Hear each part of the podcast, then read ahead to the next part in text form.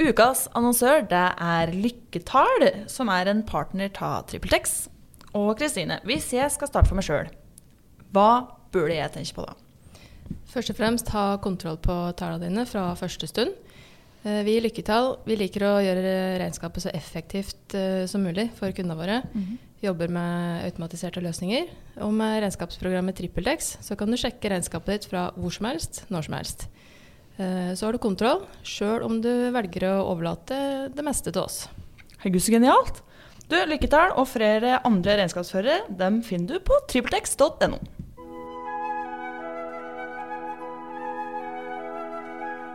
Nei, nei, nei. Det blir for idyllisk. Kjør!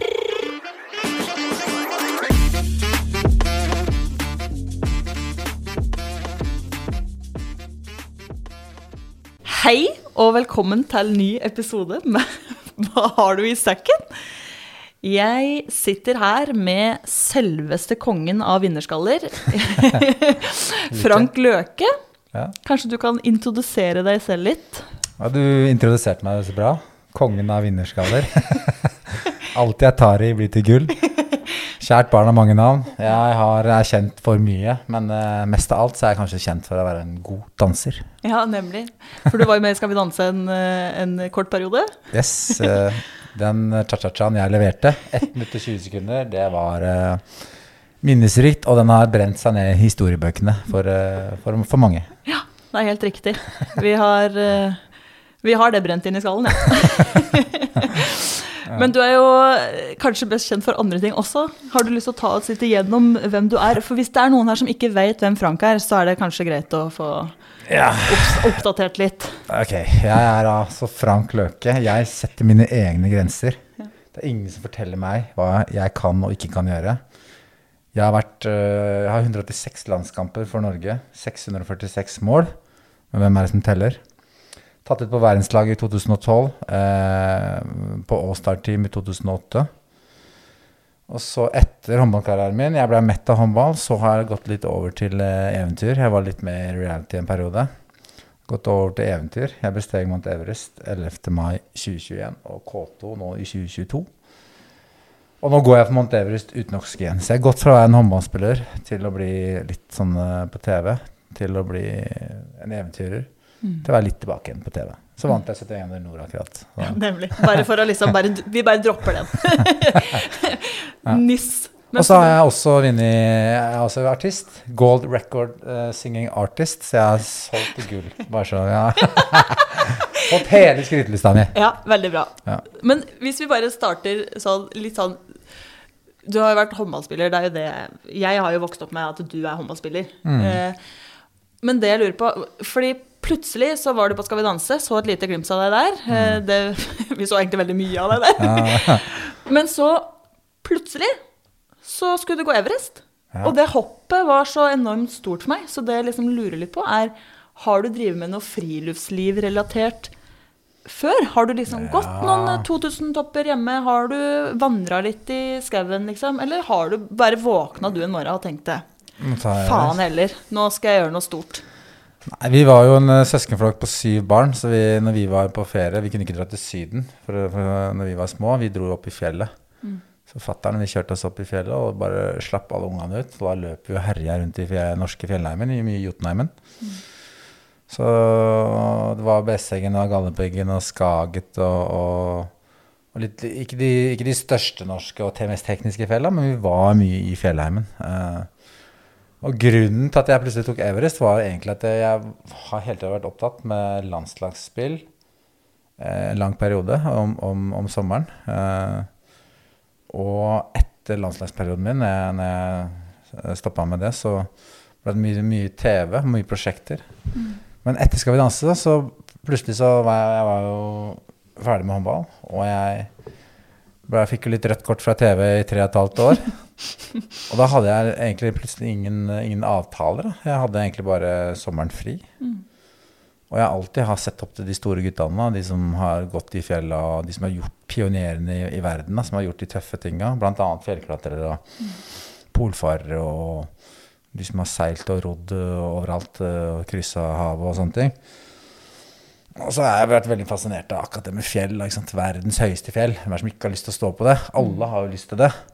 Ikke sant? Jeg trenger ikke å forklare noe om det. Og klarte jeg liksom å dra i noen tråder og skaffe litt midler og hadde fri der og akkurat skilt meg i tillegg. Passa jo bra, ikke sant. Da kan du realisere drømmene dine. Bare skille seg, folkens. Da, da åpner det seg muligheter. Så da tenkte jeg, vet du hva, jeg er jo kanskje den minst erfarne fjellklatreren jeg kom ned til, til Everest Base Camp, men, eh, men huet mitt og det, den treningen jeg har lagt ned, så var jeg en av de sterkeste, og det beviste jeg der nede. Så. Det gjorde du helt klart. Mm. For det, du, det, Var det ingen form for forberedelser? Satte du ikke noen dedikerte mål til Everest toppstøtet ditt? Nei, eller klatreteknisk gjorde jeg ikke det, da, men mine forberedelser har egentlig vært der hele tida. Fordi jeg har jo mellom f.eks. Everest og K2 så var jeg med på 45 konkurranser. Så jeg kjører på hele tida. Altså fysisk sett og, og, mentalt så er, jeg, så er jeg der. Jeg kunne dratt i morgen tatt mm. Everest uten oksygen. Så Det går ikke på det. da. Det var Spørsmålet var egentlig om jeg takla høyden. Mm. Den har jeg bevist at jeg takler. Ja, For du ble ikke dårlig? Nei. Du fikk ikke noe snev av høydesyke? Nei, ikke på Everesten så var det litt sånn for da, da, kom jeg tre uker etter alle andre, og så gikk jeg aldri tilbake. De som har uh, sett litt på filmene at de må akklimatisere, gå opp og tilbake og sånne ting. Og, og, og bruke liksom kanskje en måned der nede før jeg gjør toppstøtte. Jeg gikk jo, jeg landa på flyplassen her nede, så fra jeg landa på flyplassen, så brukte jeg 21 dager opp. Er det raskeste Det er raskeste nordmann noensinne, ja. Som ja. har gått så fort opp fra flyplassen. Mm. Men å gå fra basecamp og opp og ned, er, det er på en måte det som er rekorden. da. Men det er ingen som har gått så raskt. da. Til, til sammenligning så var hun Kristin Harila Hun hadde vært der nede en måned. Når jeg kom ned dit, så hadde hun vært der nede en måned allerede. Og jeg gikk bare for, forbi henne, og så gikk jeg bare rett opp på toppen og tilbake igjen. Og så var hun på toppen en uke etter jeg hadde vært der. Ja. Bare, det sier litt om, eh, om, hvor fort vi gikk opp, da. Men ja. Eh, det var mye som skjedde. Det var koronaår. Mm. Vi måtte liksom ta noen avgjørelser, tøffe avgjørelser, og jeg bare måtte bare henge med gruppa, som var egentlig ferdig avklimatisert da jeg kom ned. For hvem er det du går med? Er det, er det et uh, firma som du Eller en turoperatør, på en måte? Eller? Ja, du kjøper jo sånn uh, Ha et nepalsk firma, da, så kjøper du, kan du velge forskjellige pakker. Da. Mm. Du kan velge å ta, uh, ta litt av de dyrere laga, som man, man tror kanskje er bedre. Det jeg alltid ikke hoppet på det. Jeg tok et mindre lag som, jeg, som mange norske har vært hos, og hadde ganske høy suksess-summit-rate med å få mm. folk opp. Og da er, vi var vel fem eller seks klienter. Og det er sånn, eh, da får du litt mer Føler at du blir litt mer tatt vare på. da. Hvis du blir plutselig en av 50 stykker, så kan det være litt sånn at det blir eh, Det er ikke sikkert det blir én-til-én-skjerpa, f.eks. Kanskje det blir én skjerpa for tre personer, eller to. Mens jeg hadde én til én, og det var greit med min erfaring. Da. Så jeg valgte et, et, lag som har vært mye i samarbeid med norske fjellklatrere før. Og det viste seg å være veldig smart. Mm. Er det de samme du brukte da når du toppa K2? Nei, det var litt sånn uh, drøyt, egentlig. Fordi han som tok meg Asian Himalayas, som jeg brukte først Så jeg hadde egentlig planer om å gå med de på K2 òg. Og, men det som var viktig for meg, var at jeg fikk den samme sherpaen som tok meg til toppen. Mm. Chering. Uh, han har vært eh, elleve ganger på toppen av Everest uh, nå. Men, uh, men altså, vi avtalte da, når jeg var på toppen av Everest, så, så må du betale en summit-bonus. Det er altså cash i hånda til sherpaen. Mm. I tillegg til den vanlige kontrakten du har signert, så ligger det i kontrakten. Og jeg ga han Du skal gi minimum 1500 dollar. Jeg ga han 3000 og shaka hands. Du er min sherpa på K2. Så jeg hadde bestemt meg på K2 når jeg var på camp 4 på vei ned fra Everest. Ja. Med all respekt for det som har skjedd på Everest, men så følte jeg ikke at jeg var nok. da. Jeg ville finne hvor grensa mi går. Mm. Men og så, så holdt vi dialogen da, nesten et år, og sånn og sånn. Og så Siste jeg gjør, da, det er å sende ned da 50 000 dollar til uh, For han har bytta lag. Sherpaene gjør det som, som uh, håndballspillere bytter lag. Mm. Han har også bytta lag. Jeg fulgte bare han. Jeg ville at han skulle være for de siste fire damene som er viktig. Mm. Og da er det bare meg og han. Og jeg ville ha Chering som min sherpa. Så jeg blei med han over et nytt lag, 8K Expeditions. Og jeg, en uke før jeg skal reise ned dit, da, så overfører jeg 50 000 dollar. Og så går det to dager, så sier han til meg at uh, sorry, Frank. jeg jeg får ikke lov av kona mi å være med på K2. Det er for farlig, sier han da. Oi. Ja, ikke sant? Og så jeg bare what? Ikke sant? Når vi har snakka om det her et år, og jeg akkurat sendt ned penga, ikke sant? Og, sånn. og så greit, da kan jeg velge å fokusere her nå, ikke sant? Skal jeg fokusere på det negative og bare tenke at åh, krise, hva gjør jeg nå? Men jeg valgte ikke å gjøre det, da. Så jeg sa ok, jeg forstår og og, og du får bare ta vare på familien din og sånn og sånn. Og så, så bare visste jeg at jeg var inne i et bra lag, da. Jeg kom inn i et veldig bra lag. Så to dager seinere igjen så ser jeg han er på Jostedalsbreen. Han er jo som brevfører der og var tre måneder i Norge som brevfører på Jostedalsbreen. Så han hadde nok bare rett og slett fått et bedre tilbud. Ja, da. ikke sant. Så, Det er greit så- å skylde på kona. Ja. Skylder på Håvard Rassen. her. ja, men jeg gadd ikke å bruke det til noe negativt, så jeg, jeg skjønte opplegget. da. Og så hadde jeg, fikk jeg en liten cowboy der nede, en 22 år gammel gutt. Han hadde vært to ganger på Everest på én uke, så han var, Å, var en ordentlig cowboy, så det passa meg bra, da.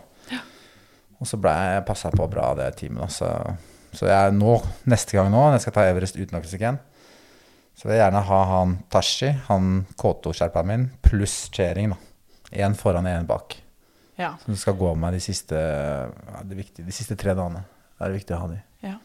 Men hvis jeg har forstått det riktig, så er det jo ikke nødvendigvis opp som er det farligste, men det er, når du skal, er det når du skal ned igjen som på en måte er, Eller er det gradert farligere og, i forhold til hvordan man beveger seg?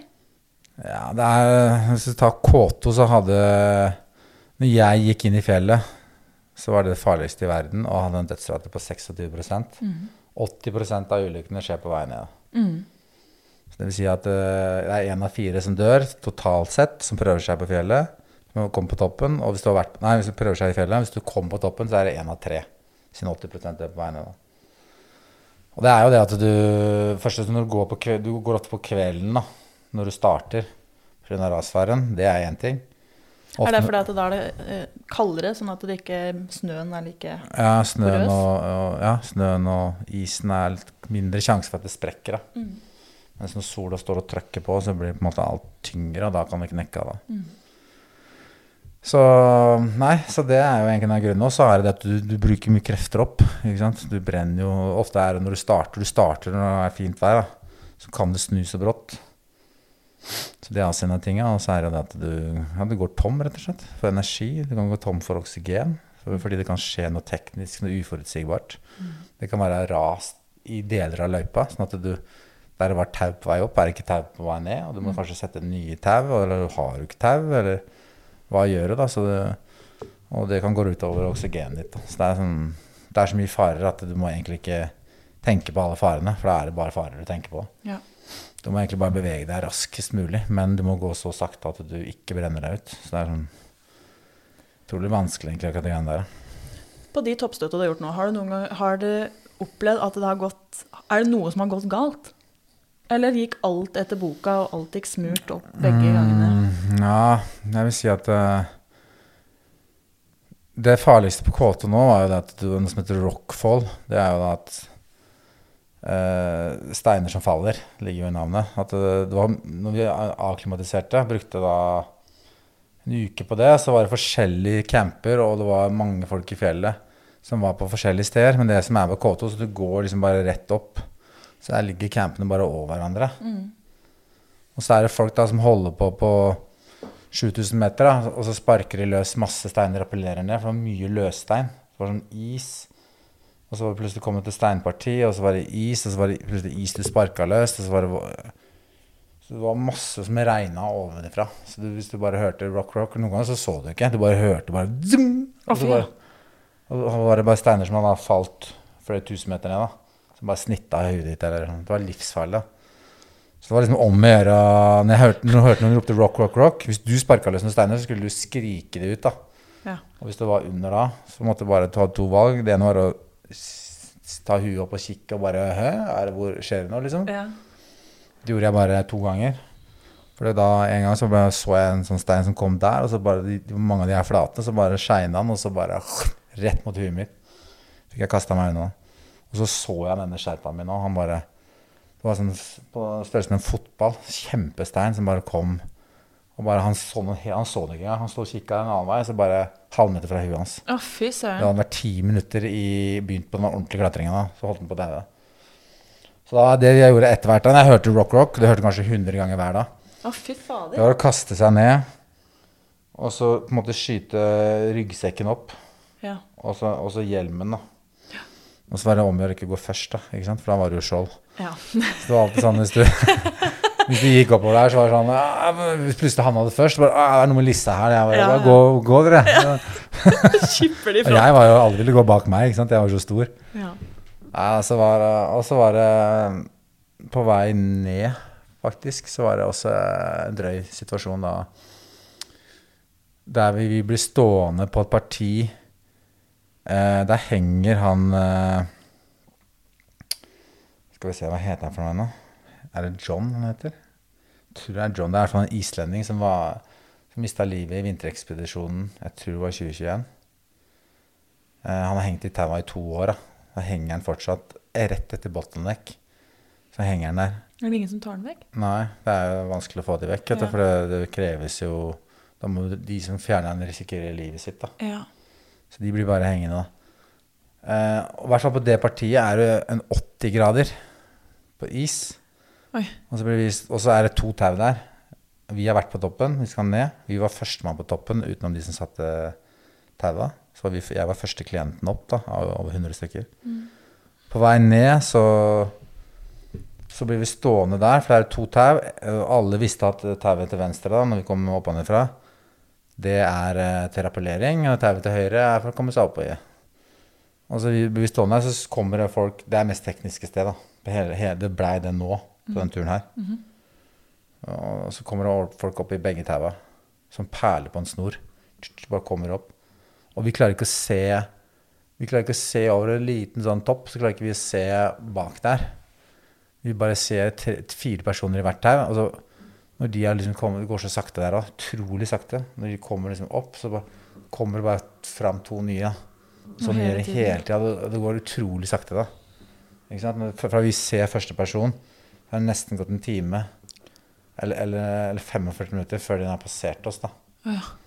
Blir, jeg blir stående der i 1 time, 45 minutter, nei, 1 time og 40 minutter. Og vi bytta flaske på toppen, da, men da begynner jeg å bli, kritisk mitt oksygen. da. Faen, vi skal komme oss ned til camp. Ja, ja. Og da blir det sånn eh, Nå må vi gå, men åssen skal vi gjøre det her? Og da klikker vi oss Vi, vi kan ikke skjerpe Vi må skjerpe rappellet. Vi har, ikke, vi har ikke mulighet til å rappellere. Tauet er altfor stramt. Vi kommer ikke inn i tauet, og det kommer folk opp. Så vi klikker det sammen, meg og han. Og så klikker jeg meg det tauet til høyre, han til venstre. Når vi skulle passere igjen, så måtte han klikke han ut. Og så prøvde han å, å bevege seg nedover. Og det som kunne skje der, hvis han tryna da, så måtte jeg ta imot, da. Og hvis jeg tryner samtidig, så sklir jeg ned. Men da treffer jo min sikkerhet treffer da han som kommer opp. Så vi, vi henger i, i tau, da. Det det førte til, det skjedde tre ganger. At da en av oss kom på en måte som en pendel da, inn i, inn i tauet og traff en person som sto da nedi. da. En gang så kappa jeg ordentlig beina på han type. da. Og så, mm, og så ble det mye litt sånn småkrangling. da, Så sier jeg det, ble, da, det var det jeg gjorde best på den turen her, var de tre timene som vi jobba oss forbi 100 mann. da. Vi måtte krangle oss forbi 100 mann. Og da var det bare Yeah, yeah, you have to wait. Så bare no, no, no. Så jeg bare no. We wait one hour 40 minutes. Get the fuck out of my rope. Så er det sånn. Det der er mitt tau. Det er våres tau. Dere skal være det tauet. Liksom, vi har venta 1 time og 40 minutter nå. Oksygenet mitt er null. Dere skal på vei opp. Liksom, hvor skal vi gå ned? Og så bare, bare kom dere over andre tauet, da. Og sånn var jeg høy og mørk nedover. Da. Liksom, det var regelen, da. Ikke sant? Ellers så funker det jo ikke. Ja, ja. Ellers så blir folk død. Ellers så dauer jo folk der oppi der, hvis ikke de kommer seg ned. Og sånn holdt vi på. Og så var det noen situasjoner der med min sherpa. Han var jo han var 22 år, og så møtte vi da sherpa som har vært sånn 17-18-20 ganger på K2. Nei, på, på Everest. Nepalske. Uh, og så Da blei det litt sånn uh, Ja, dere må vente. Nei, sa jeg. Hver gang jeg skjønte at det var sånn sherpa, for det er hierarki der, ikke sant. Ja, ja. De sa bare til han den No, no, no, no. no. We, we first. Liksom, Ja. bare move. Kom dere vekk. Vi skal ned. Så sånn jobba jeg. Og de tre timene var jeg sånn høy og mørk og bare dro, dro han i med gjennom. da. Så det var eneste jeg bidro med, følte jeg. da. Ellers så var det han som passa på meg og Ja. sørga for at jeg kom opp. da. Men det var sånn survival of the fittest de tre timene på veiene der. altså. Ja. Men vi kom jo ned, da. Vi var de første som kom ned. Vi rappellerte jo faktisk 3600 høydemeter og klatra ned alt på 14 timer. Fra toppen til basecamp. Så var vi første tilbake igjen i basecamp. Og de eneste som kom som ikke overnatta i camp 2 eller camp 3. Det er ganske drøyt gjort. Ja, det var helt sykt. det der. Vi, Ja. jo, vi hadde masse hadde lommene fulle av, sukker og, og koffein. Eh, eh, sånne pi- pill, sånne gel Nei, ikke sånne hva heter det for noe vingummi-greier. Mm. Og så hadde vi hadde vann. Vi fikk vann i camp 3, da. Da hadde vi litt vann liggende, da. Så da og så bare gønna vi på hele veien. Tenkte at jeg gidder faen ikke å sove i camp 3, for da var jo Det ene året så hadde vi kommet opp til camp 3, jeg husker ikke om det var 2015 eller 2016, så var det var 15 telt som hadde stått der. Og det var ingenting igjen. Det var ikke en, var ikke en teltplugg igjen engang. Alt var bare vipa vekk. Så der hadde ikke jeg lyst til å sove, da. Når jeg hadde energi. Så vi bare gønna på ned hele veien. Og så bare visste jeg at jeg visste at jeg har erfaring fra de lange løpene mine, så jeg visste at kroppen min holder. Jeg veit jeg bare kommer til å bli sliten, men jeg holder. ikke sant? Men det, men det er jo da kanskje forskjellen på deg og alle andre i verden. er at du, du kjenner jo kroppen din utrolig godt. Mm. Og har veldig kontroll på hva du tåler, og hva som du ikke tåler. Og så tror jeg at du har en eh, evne til å på en måte pushe deg enda lenger enn det Altså, du Ja, pusher deg jo milevis lenger enn det en eh, Olav Nordmann ville gjort. Ja, det- er det som er fordelen når folk spør og når jeg forbereder deg til K2. Så, sånn klatreteknisk så er jeg, da er jeg ikke, nesten ikke forberedt med noe. Men, eh, men det med psykiske det med, Skal du ha lyst til å komme opp på de toppene, så er det, sitter det 70% i huet. Mm. akkurat der så er jeg, ikke sant? da har jeg stålkontroll. Alt de tingene jeg har vært med på. Løping, sykling, svømming, multisport. Ja, hva er det ikke har vært med på i Norge? Og alt det lengste da, vi kjører på hele tida med konkurranser. Vi skal være slitne. Vi gjør ingenting om det er Helst skal det være vått og kaldt. Og, og vi skal vi kjører konkurranse på lørdag og søndag med slitne, helt ferdige bein. Fordi jeg veit at når jeg gjør sånne ting Når jeg der kommer i fjellet og skal gå åtte timer, og hvis ikke det er noe spesielt som skjer, koster det meg ingenting. Koster meg ingenting. På, på K2 var jeg i superform. Det var, ikke, det var jo noen farlige momenter her, men det, var, det sto aldri på min fysiske form. Da. Jeg var i kjempeform. Så jeg, jeg kunne ikke vært fjellet kunne vært dobbelt så høyt. Ikke sant? Jeg hadde fortsatt kunnet gått. da. Mm.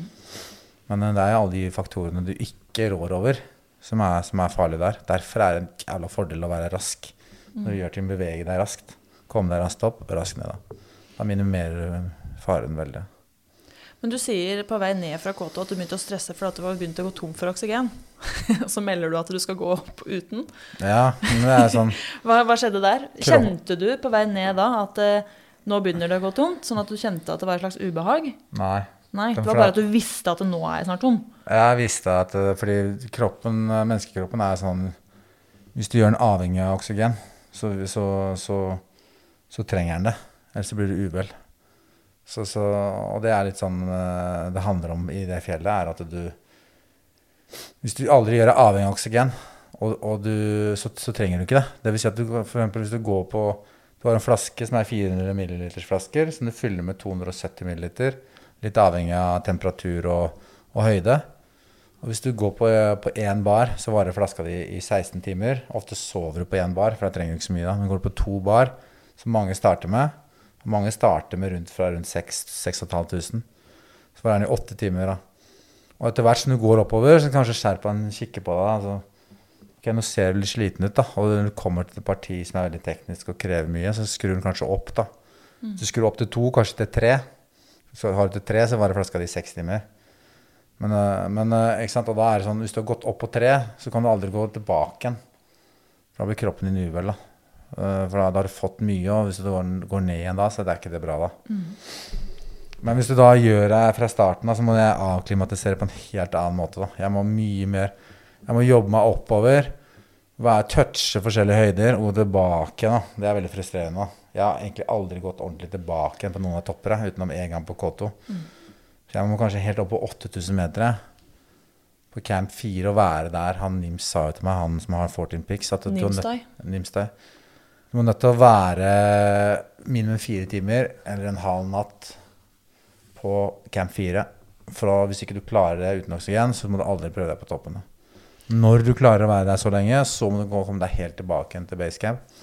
og hvile.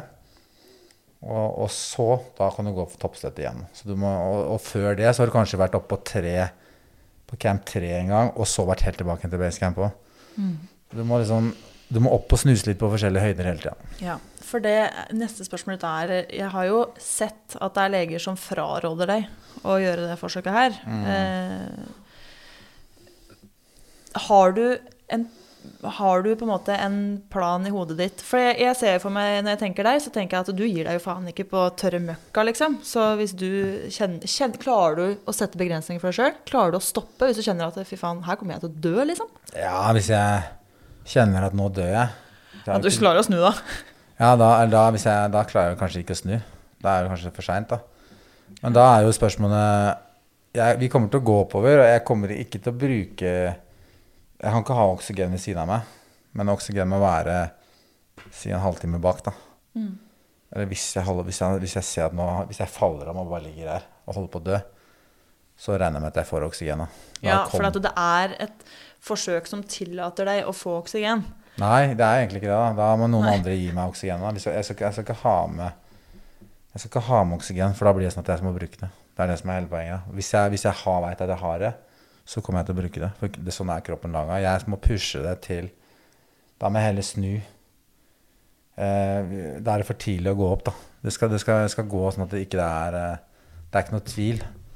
Hvor lang tid Jeg hvis, jeg går med, hvis jeg er her og går med oksygen her, Nei, da bruker du det. da kommer jeg til å bruke det. Du må ikke, jeg kommer ikke til å ha det med. Nei.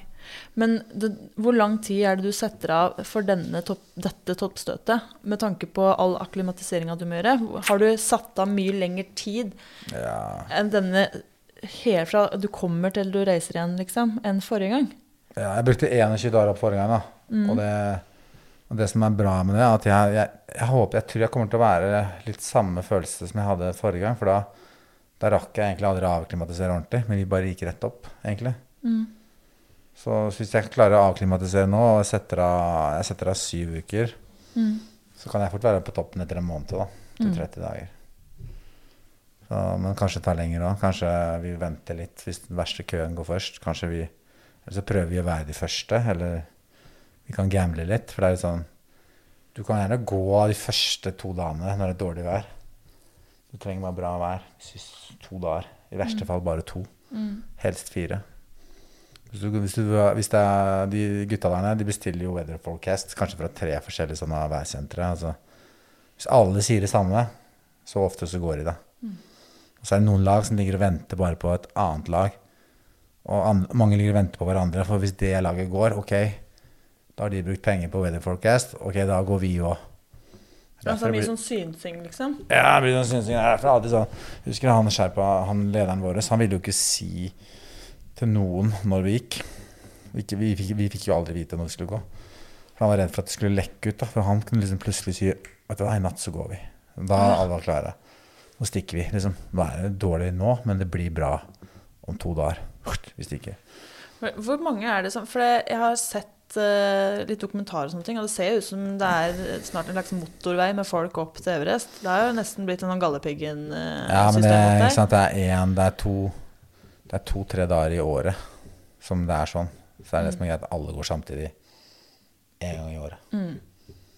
Så det er da vinduet kommer. Det er da monsunvinden Det er ikke det at det, det er, væ- Været kan være bra, men det er vinden som ofte er rolig på den tida av året. da. Mm. Du kan jo få 100 eh, meter per sekund kan du få oppi der.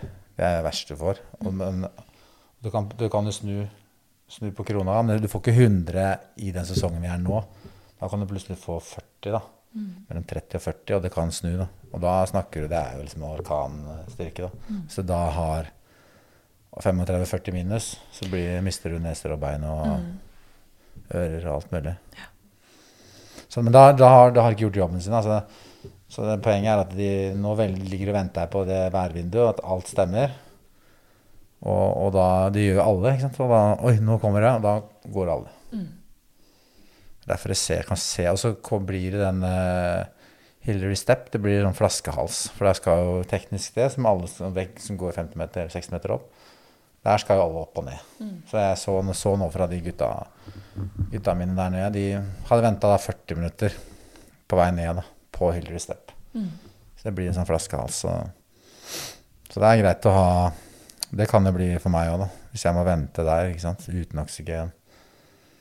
For det er, det, er litt, det er det mest tekniske på Everest. da. Kanskje det kan være i Kembo også, når du skal gå over steger og litt sånne ting. da. Jeg ser jo ikke for meg at det er sånn at folk tenker nei, men kjære deg, du, du går jo uten oksygen. Bare kom foran her, du. Mm, ja. Det er eh, alle for, sin, for seg selv, liksom. Ja, alle for seg selv, ja. Ja.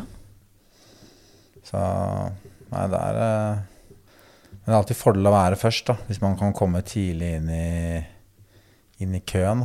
Mm. Gamble litt, gå litt tidligere. Eller at man går litt seinere. Man venter på liksom, at alle har vært der oppi der. Det er litt sånn Jeg liker egentlig ikke det, da. Være, til slutt, når alle har vært oppe, så går du. Det er litt sånn Da har du følelsen at det kan gå mer gærent. Det er bedre å være, alltid være blant de første, da. Mm.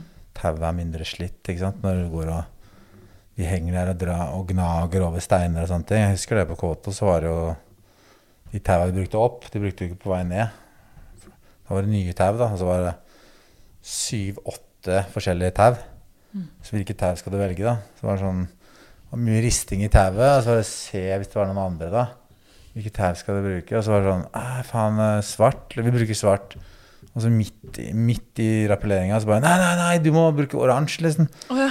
Og så bare Eller du kom, til, kom midt i tauet, så bare var det bare en tredjedel av tauet igjen. Oh, Det var mange sånne opplevelser. da. Så det var sånn Ja, ja. For da jeg at tauet da kan kanskje ligge over en spisstein, så har ligget og gnagd. da. Ja, ja. Så er det 100 stykker som har brukt det. ikke sant? ja. Så, var, så var det en som døde pga. Var det noen som døde når du var der nå? Ja, åtte stykker som døde. Fire stykker på Når jeg var her, fire stykker på, på nabofjellet og fire stykker på K2. Så Men du er ikke redd? Nei, jeg er ikke, ikke redd sånn, egentlig. Da Man må jo spørre. Ja, du blir skjerpa, liksom. Du blir skjerpa. Du Ja. tenker liksom Du, du, er- du veit når du går inn dit, at det er 26% dødsrate. Du sitter og teller i teltet. Ok, vi er, vi er åtte stykker. To av oss skal egentlig ikke overleve, da. Det er helt sykt, egentlig. Og Ja, du, det, går, ja. Du går forbi lik på vei opp og, ned, og det ligger gamle lik der. og det lå et lik der som var, var sånn halvhjelspist av de fuglene som fløy rundt der. Man hadde liksom dratt utover. Og så møtte vi en kar som, eh, som, som døde da for tolv timer siden. eh, Som lå da i løypa på vei ned. da. Så liksom Han hadde tatt av skoene, og så lå han sånn sammenkrøpa ved siden med sekken sin. og Nei, sånn, Hørte om en som hadde bare En som hadde blitt tatt av ras, det var greit. Og så var det en som hadde fått høydesjuke og bare ikke orka mer. Og så var det en som hadde bare snudd seg med sekk på ryggen. Og så hadde han liksom glemt at han hadde en sekk som, som hadde litt sånn volum bak. Så han hadde liksom snudd seg. Altså han dytta seg sjøl ut, liksom. Fått blitt puffa fram. Å, fy faen! altså var det en som falt ned en sånn eh, under breen i elva der nede. Så han bare sklidd, falt under og forsvinner ned. Og drukna da. Har blitt satt fast under hele isbreen. Så det var sånn hele tida så fikk du sånne meldinger da, når du satt i teltet der og spiste kveldsmaten din. da. Så det var liksom ikke noe Du er ekstra skjerpa da, når du vet at du skal opp, liksom. Ja, ja. Det må være det. Hvert steg, vet du. Bare ett steg du gjør feil, så er du ferdig.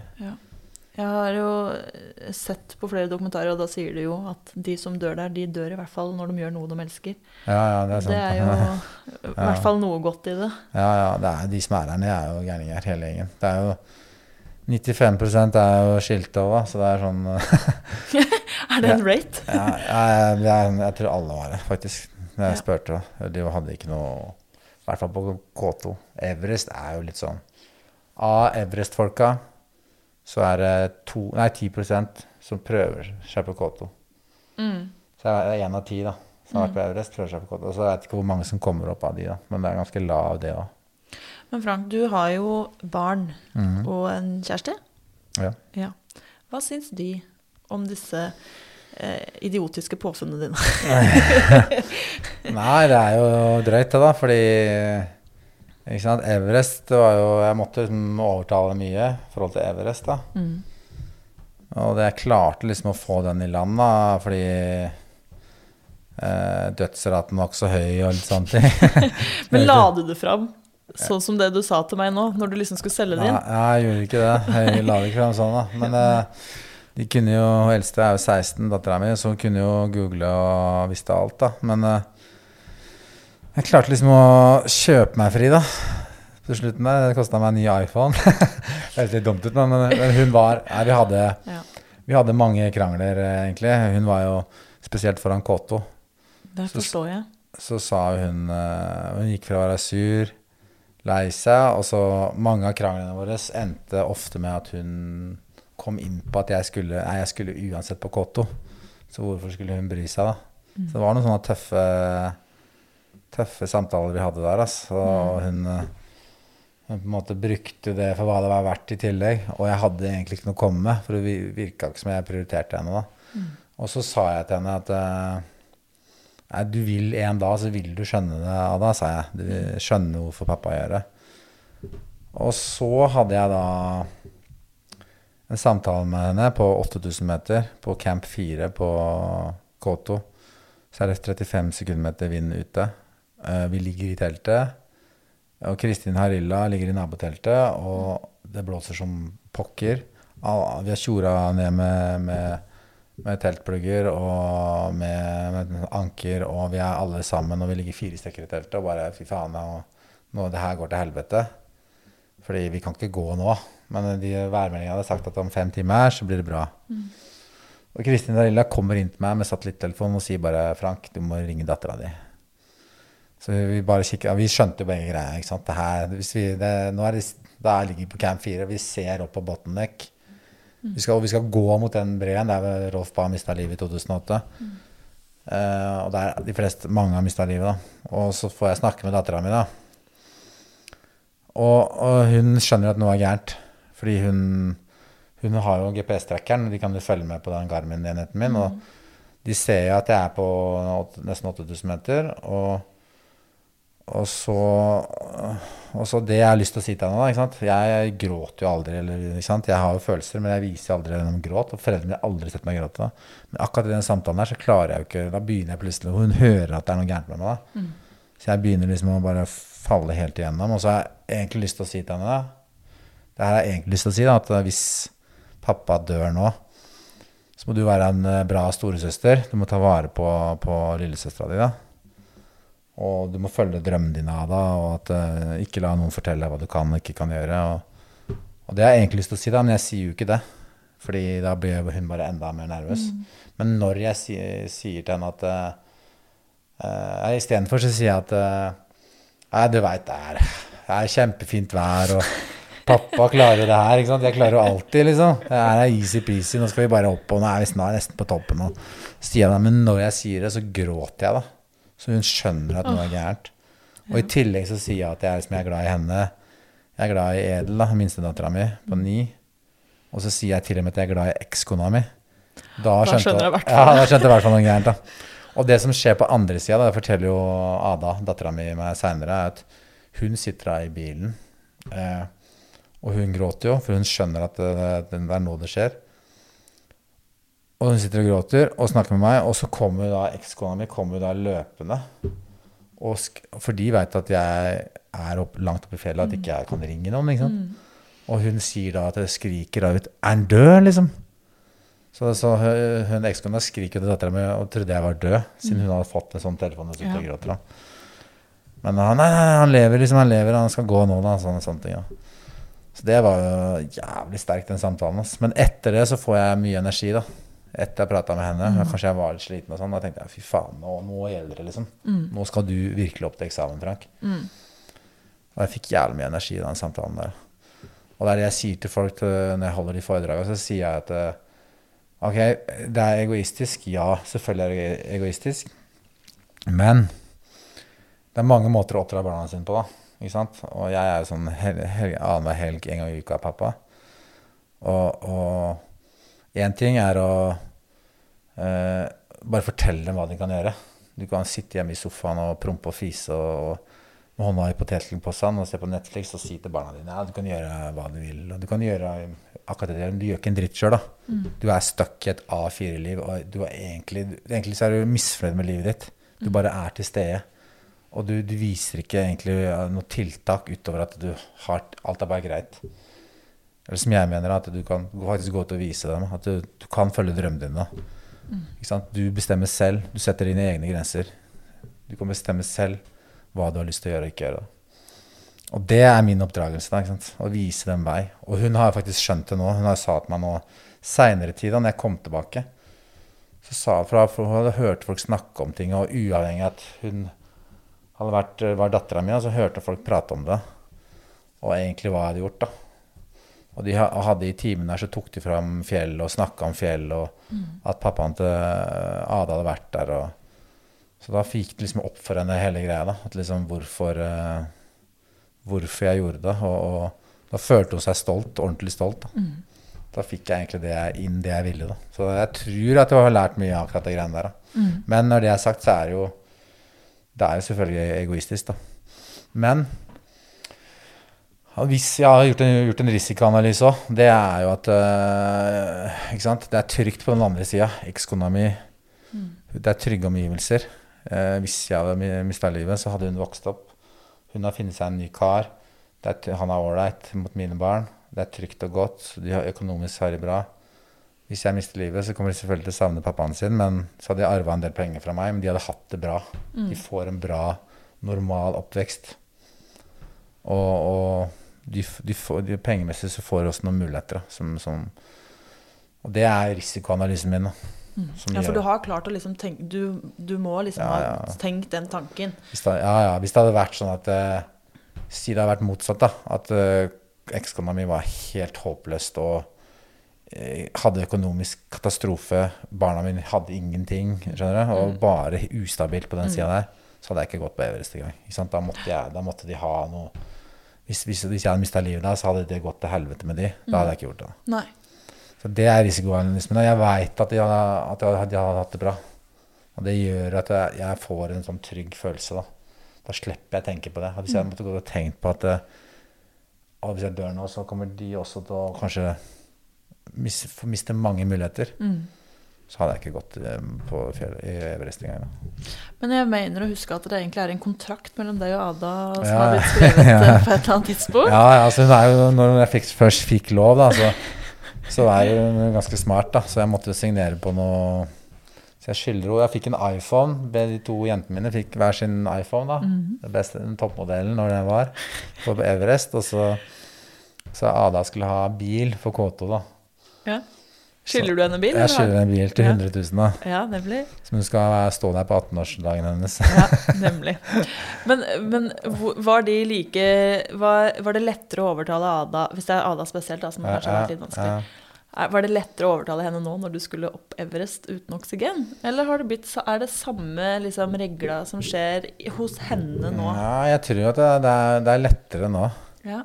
Hun ser hva du har laga. Ja, Liksom. hun skjønner at jeg klarer det, da. Mm. Og hun har ordentlig trua på meg. Så det Også når, når jeg overlevde K2 da, og ble tredje nordmann på toppen der, så, så tror jeg hun skjønte at det, du han klarer alt, liksom. Så jeg, nå, nå stoler hun mer på meg, da.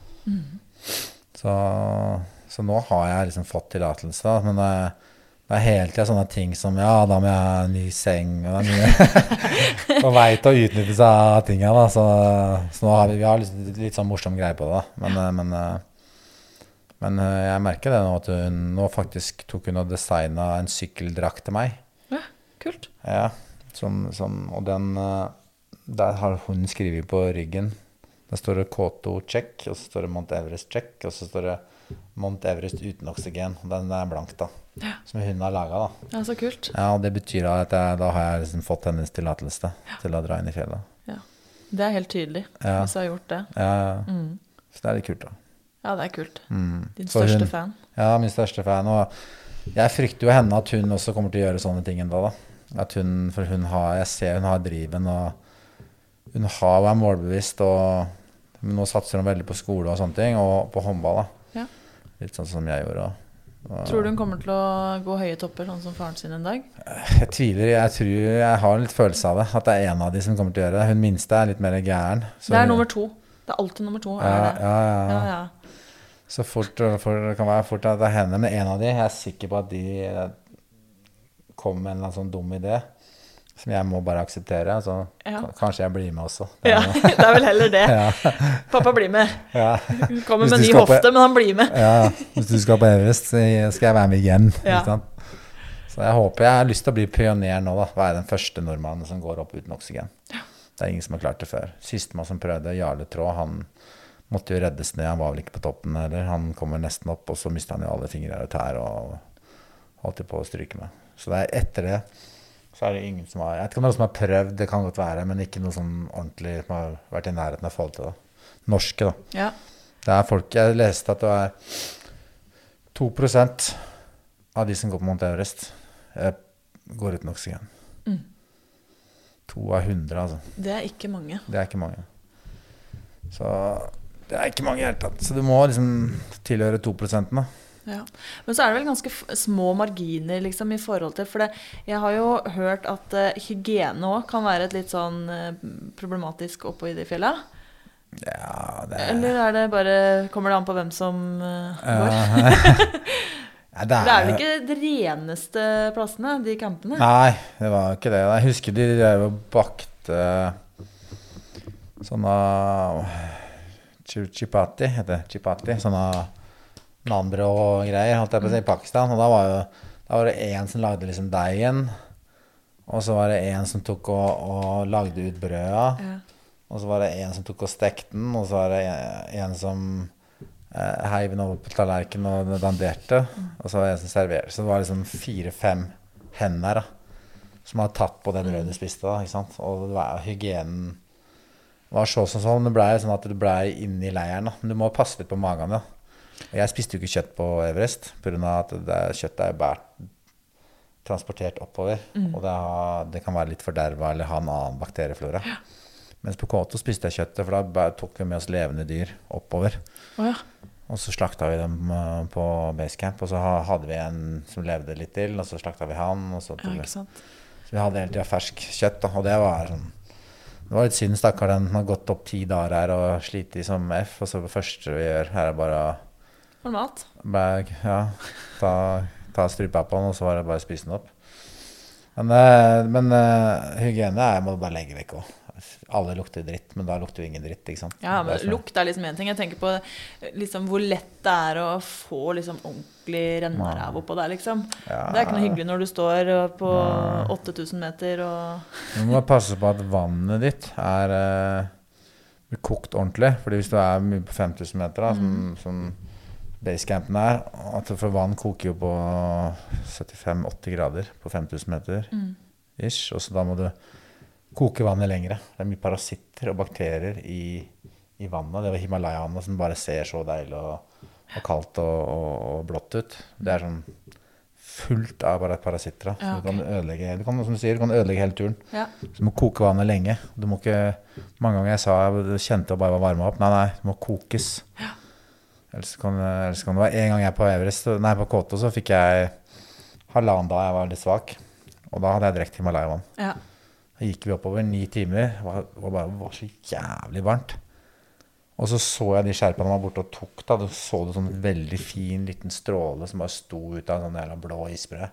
tenkte jeg det vannet her må være pure. Ja. Og med drakk jeg det, og så tre timer seinere så bare kom det ut i begge hender. Men det var veldig kjapt, da. Det var, liksom fire-fem timer. Kvalm og dårlig, og så var jeg litt svak, og så kom jeg meg dagen etterpå. Så må ikke drikke det Himalaya- Himalaya-vannet. Det er, eller det er livsfarlig. Det tror jeg på. Mm.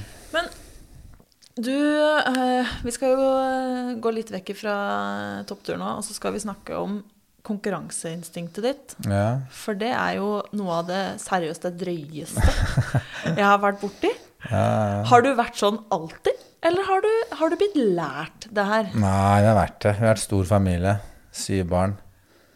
Det var survival of the fittest. Det, det var eh, kamp hele tida. Tenk deg når du åpna Twist-posen eh, hos oss. Ikke sant? Det er syv stykker som skal ha bananer. Så det var, det var knalla konkurranse fra dag én ikke sant? for å markere seg. Og det har jo kommet. Hadde du vært, vært enebarn og fått alt invitert seg, så hadde det sikkert vært helt annerledes. Men det er oppveksten og oppdragelsen og verdiene av dele og det. Og det er liksom kampen for, å, for tilværelsen. da. Men er alle syv like drøye? Eller er det bare noen av dere som på en måte har dratt det litt ut av Nei, det er ganske høyt konkurranseinstinkt i familien. altså. Ja. Veldig, egentlig. Men vi fant forskjellige ting da, etter hvert. ja. brødrene mine så ble jeg den sterkeste, da. Alfaen. Så da han ene satsa veldig på, på utdannelse. Mm. Så ble jeg litt en sånn uh, filmska, en skaper og, og, en kunstner. Og så har vi en nevropsykolog, og så har vi en sånn uh, IT-kar. Så alle falt sine forskjellige fotspor. Mm. Men, men uh, tidlig alder så var det var, egentlig var mange, vi var veldig gode i idrett alle sammen. Da. Men jeg ble en dominant etter hvert. Og da, da syns ikke det, husker jeg, når de to eldre brødrene mine Når jeg slo dem, så var, så var det ikke gøy mer. Nei. Så da fant de seg andre ting. Ja. Så, mens søstrene mine de har liksom alltid sett litt opp til meg. i forhold til Jeg spilte håndball, så kom jeg på juniorlandslaget da jeg var 15, og det syntes jeg de var stas. Mm. Så da begynte jo Heidi ordentlig òg, så hun, hun, har jo kommet seg virkelig. Hun har en annen søster òg som også fikk ti landskamper, men hun er jo egentlig har egentlig vært Norges nest beste strekk i ti år. Ja. Men har, veldig få har hørt om henne. Hun spilte jo på i Storhamar en periode. er Lise. Hun, hun, var litt dårligere enn Heidi, ja. men fortsatt Norges nest beste. Når Heidi var ute, så ble hun kåra til Norges beste hjemlige strekspiller i fire-fem år eller noe. Det er noen gode gener ute og går her. Ja, det er gode gener. Men det kommer av også oppveksten. Da, ikke sant? Ja. At de også to tenkte at to jenter her må kjempe. ikke sant? Mm. Så, de, så de er blitt noen hardinger. Og det, det er pga. også oppdragelse og gener. Ja. Og det at vi har oppveksten. At de har det blir jo hard når du har fem eller, eller fire eldre gutter og én Ja. yngre. Så Det er helt klart. mm. Men er det noe, er det noe gren du på en måte ikke er god i? For det, jeg ser jo, du prøver deg på meste. Du er kanskje ikke den mest Du har ikke den peneste skistilen. Nei. Men det går jo fader meg framover der òg, da. Nei, Jeg, er sånn, på, I ski så er jeg ikke jeg tar, det liksom, I forhold til mannen i gata så er jeg jo god, da. Men jeg, jeg tar merke i Birken. Det er det, ikke sant. Jeg er ikke bedre enn det. Men jeg har jo Jeg er veldig god på skiergen, da. På ergometer-skigåing. Så jeg er god, da. For da er det ikke noe teknikk, da. Men det som er litt av greia, er at og jeg er ikke den beste til å svømme heller, men eh, men jeg er med. Det er utrolig mange sånne som meg da, som ikke har vært gode i å vært verdens beste én ting, som ikke gidder å være med på ting de ikke presterer. presterer. Som ikke de er gode i. For da, da ydmyker de seg sjøl. F.eks. Marit Bergen. Eller, jeg sier ikke at hun ikke gjør det, men det er veldig mange som er redd for å tape i ting. Mm. Hvis det siste du gjorde, du la, ga deg på topp, og du vant OL-gull, eller du ble verdensmester, så gidder du ikke å være med på et lokalt mot, motbakkeløp og bli slått av naboen. Nei. Fordi det, det sårer deg. Sårer stoltheten din. da. Men sånn tenker ikke jeg. da. Jeg tenker at uh, alt det jeg gjør nå, det er bare Først er det jævla moro når du tør. Mm. Du tør å ikke være best. Og det løfter deg uansett. da. Mm. Det løfter deg som, som menneske, og allsidigheten din. Jeg er med på alt nå, og allsidigheten Jeg har beinet mitt i mange leir og blir kjent med å få masse kontakter og holde på. da. Det er utrolig gøy. da. Så jeg funnet at håndball det var bare en liten del av min karriere, og jeg veit jeg kunne blitt god i uansett hva jeg driver med. da. Sånn ordentlig god, da. Jeg stilte opp i NM i roing. Da Da tok jeg NM-gull som henger der, ja. Ergometerroing. Det var 1000 meter bare. For jeg hadde bare satt meg på den. Og så ble det NM-gull i masterklassen. da. Så er jeg veit det. Uansett hva det har blitt, så kunne jeg blitt god, da. For jeg var jo barne, barnestjerne, og det er ikke mange av de som var gode hele veien. da. Men jeg er ikke god i øh, Det som er teknisk, der kan jeg slite litt, da. For det har jeg, ikke sant, når folk sto på ski, så var jeg inne i håndballhallen. Så jeg har ikke fått inn med morsmelka. da. Men, eh, men vi er gode til mye, og vi er allsidige, da. og det syns jeg er gøy. da. Og vi er, går jo alltid Det som er viktig, er at man går og gir alt. da. Uansett hvor dårlig teknikk det er, så gir jeg alltid alt. Så vi stuper over mål hver gang. Og da har du effekten av det. ikke sant? Da, og etter hvert så noen av de greiene jeg er med på nå, så og det jeg også, jeg er 100 kg, og så skal jeg løpe da 24 timer. Alt tilsier jo at eh, jeg ikke skal være best. Jeg er ikke, jeg er ikke helt der, men jeg er i norgestoppen nå. Tredjeplass sist, da. Men nå vant jeg et sånn annet 28-timersløp, men jeg, jeg er ganske høyt oppe nå. Så jeg vinner alltid den å flytte kilo ganger lengde, som jeg sier. Hvis du skal flytte mest mulig vekt og i 24 timer, så er det jeg som vinner. Alltid. Men, men jeg, jeg taper mot en sånn på 55 kilo. Så, som, som da, har ikke sant, da har jeg ikke kjangs. Ennå, da. Men, eh, men jeg begynner å komme meg, da. Sånn at det er så tungt når jeg nesten er eh, 30 Jeg kan ta to sånne To sånne blå. På ryggen. Det ikke folk ser nå, eller hører, eller dere hører at den sier det her, men de som ikke ser, er at vi sitter inne i treningsstudio, treningsrommet til Frank, Mm. hjemme på Løke. Ja, Så han sitter og vring, vrikker på noen kilos uh, vekter det. manualer. Mm. Ja, ja, men det er i hvert fall én ting. Det, er, det blir ikke en harding av å ligge på sofaen eller bare tenke at jeg burde ha gjort ditt når jeg blitt datten. Eller jeg har lyst til å være med på det. Jeg tør ikke. Jeg tør ikke. Jeg har aldri opplevd det på noen av konkurransene mine at noen som står og buer på en som kommer inn sist, liksom. Eller en Nei. som er dårlig. Alle heier, og du slår alle. En Fantastisk miljø.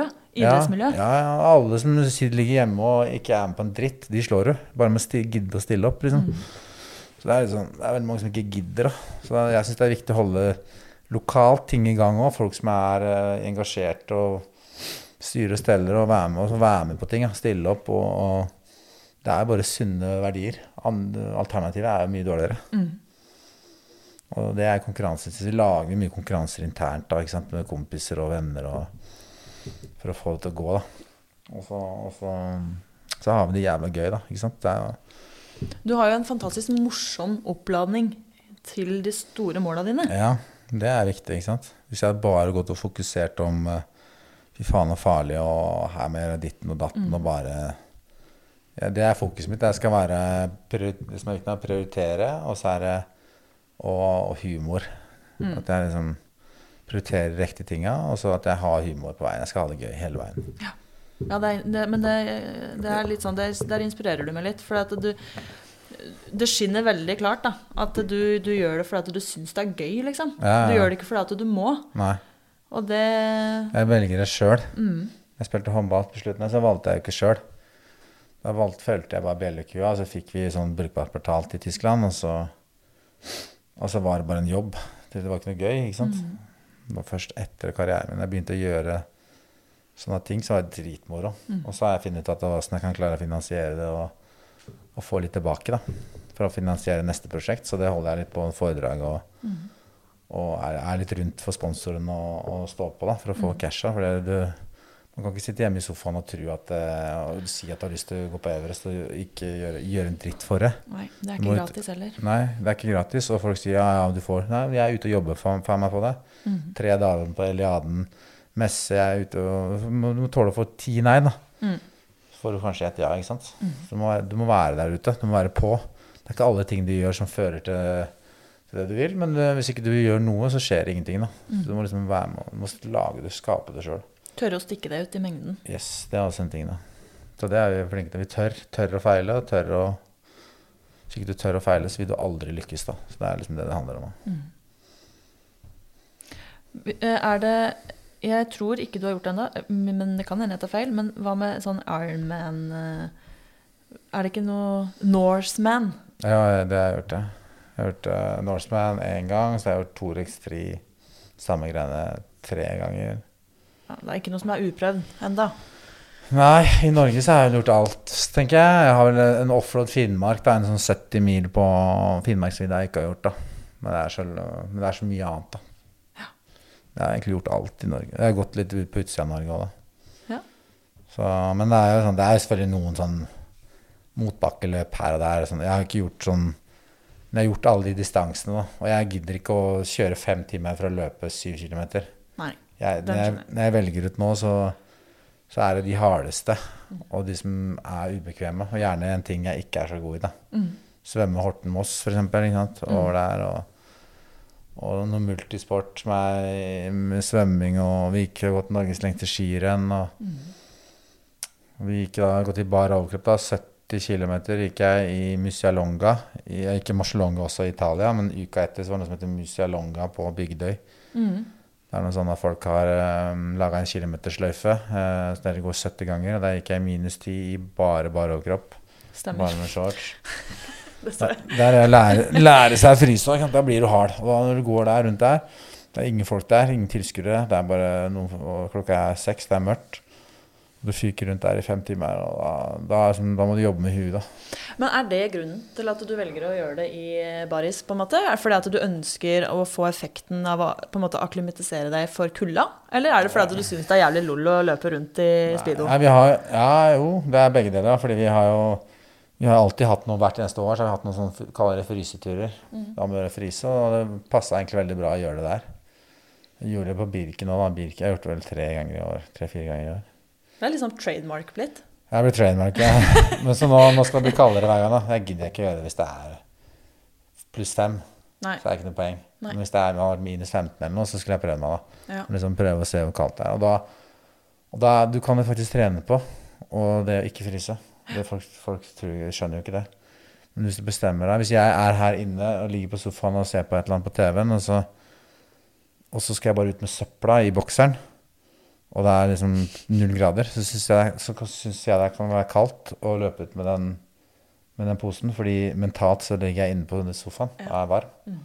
Det er kaldt. Men når jeg stilte inn huet mitt på at nå skal jeg gå syv mil i minus ti Ikke sant? Det er noe helt annet. Så bestemte jeg at nå, nå skal du ikke, skal ikke føle på å fryse. Skal ikke føle på det, og så skal du hele tida jobbe med kroppen. Så det vil si at skallet ditt er kaldt, men innvendig så er det varmt. Og så, og så, sånn jobber jeg med huet. Og da, da fryser du ikke, da. Og hvis jeg, etter det så har jeg ikke øh, Når jeg er i fjellet nå, det er minus 19. Det er minus 19 for meg er ingenting. Det er ingenting. liksom Når jeg var minus 19 på K2, jeg tenkte ikke på kulde én eneste gang. jeg. Nei. Og på Everest var det minus 35. Så det var liksom Ja, det var ikke noe Jeg har fryst Når jeg sykla over Jotunheimen rundt i Henger den her, da? Nei. Jeg sykla Jotunheimen rundt i i mm, Norges tøffeste sykkelritt i Borat. Det var da sånn Boraten ble skapt, da. I det rittet der. Og da sykla jeg i 43 mil i Borat. Åtte av de mila var i minus tre grader. Ikke sant.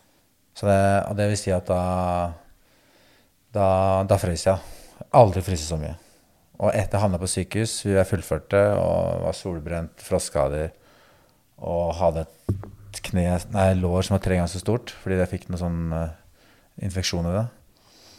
Men jeg, når jeg er er litt kald eller kjølig nå, så tenker jeg tilbake på, på, på Jotunheimen rundt. Og hvor jævlig kaldt det var, liksom. Da satt jeg Du kan tenke deg, når du, Det er greit å gå på ski i minus fire, altså, men når du skal sykle, Å, fy faen. og du får den vinden Ja. Å, fy faen. Det var 25, over 25% som brøyt når det var for kaldt. Fordi arrangøren hadde meldt fire grader, og de hadde på seg full sykkelbekledning. Ja, nemlig. Og der kom jeg syklende inn i bordet da. Men du fullførte, du. Jeg fullførte, ja. Klart det. Så våkna jeg dagen etterpå med bare tre, ganger så stort lår. Ja. Jeg trodde det var sånn rabdo.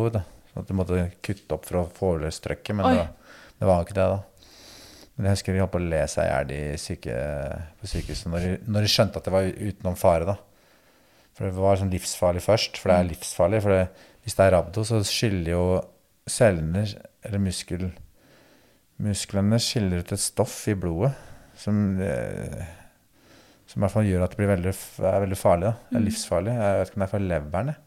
Men det er i hvert fall, eh, men det er i hvert fall ja, Eller nyrene, jeg husker ikke helt. Men eh, heldigvis var det ikke det, da. Så jeg, jeg overlevde den. Og da ligger jeg der på, på sykehuset der. Kverken ligger på rumpa, for jeg har fått, rumpa har fått sol, solbrent. Ti timer med høyfjellssol.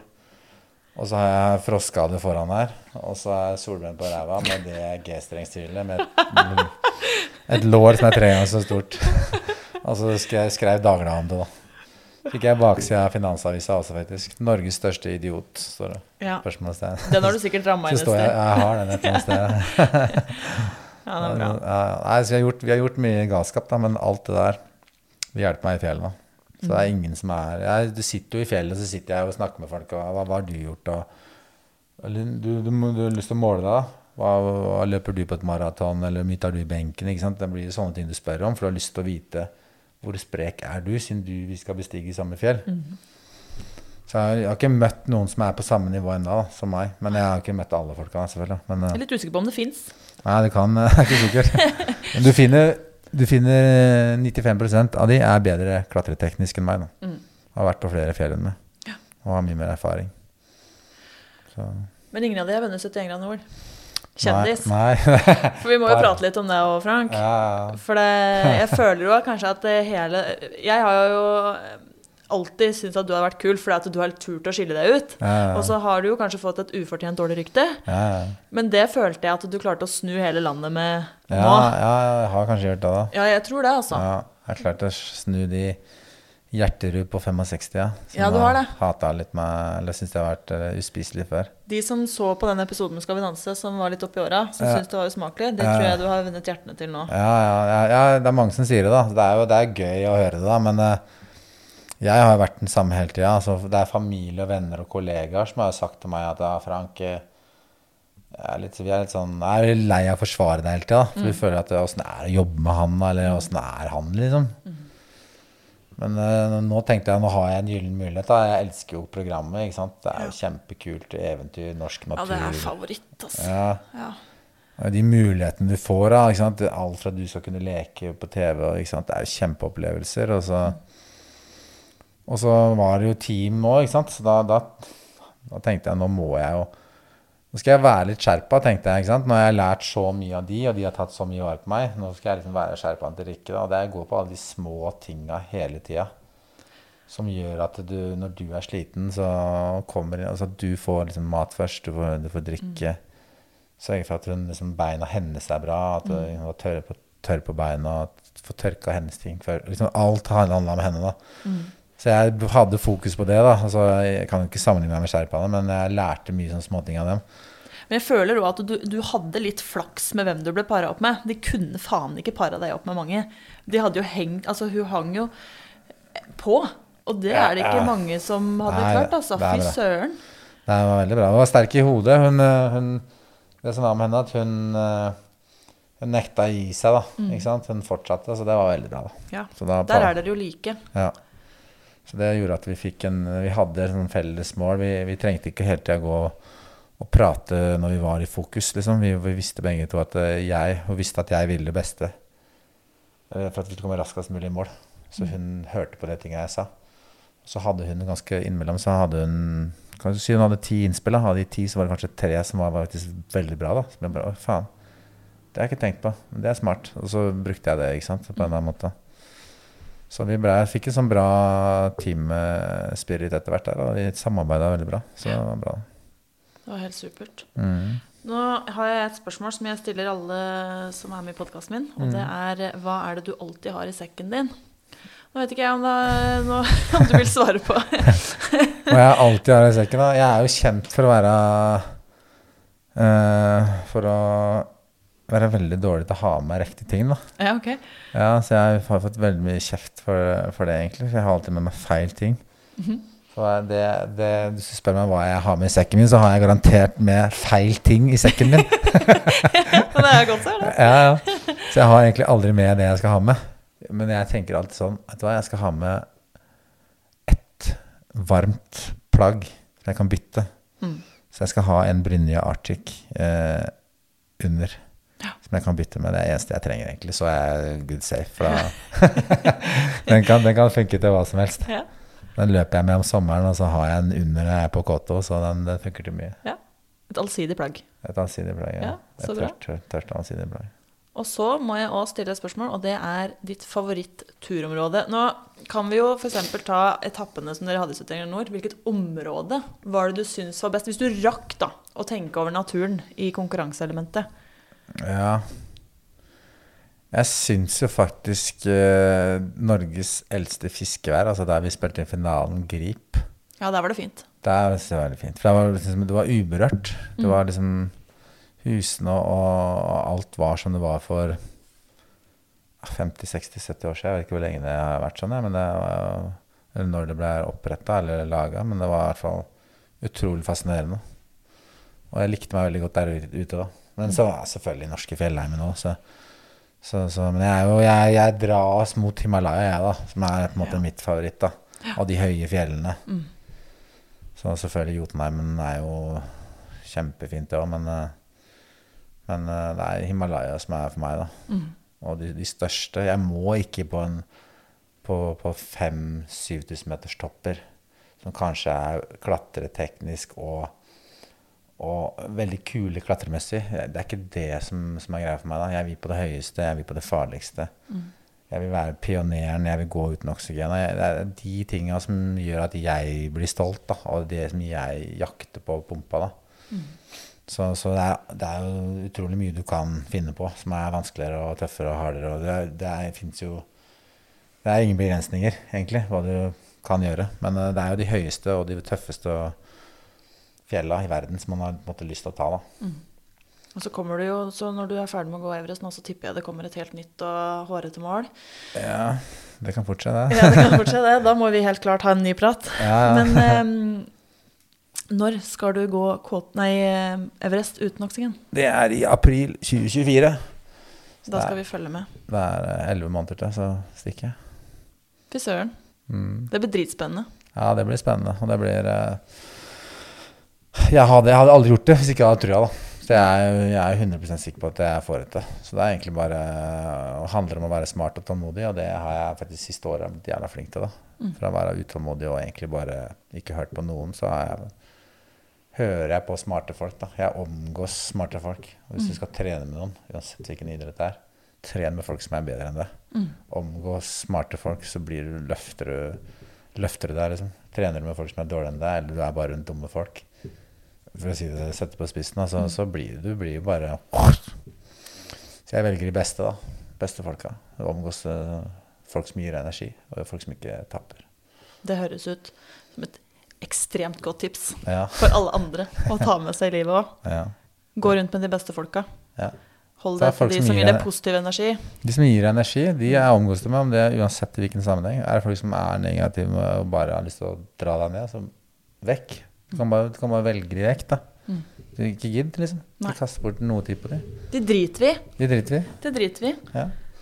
Jeg tenker at det her er en kjempefin avslutning. Ja. At vi sier at uh, fuck de folka. det gidder vi ikke ha noe med å gjøre. Nei, Nei. Reach to the stars, er det det du sier? Eller til toppen, da, som du ville sagt. Ja, Ja, Tusen hjertelig takk for praten, Frank. Det var veldig hyggelig at vi fikk komme inn i treningsbunkeren din. Ja, bare hyggelig. Nå skal det trenes. Da skal jeg dra. Tusen takk. Bare hyggelig. Kjør!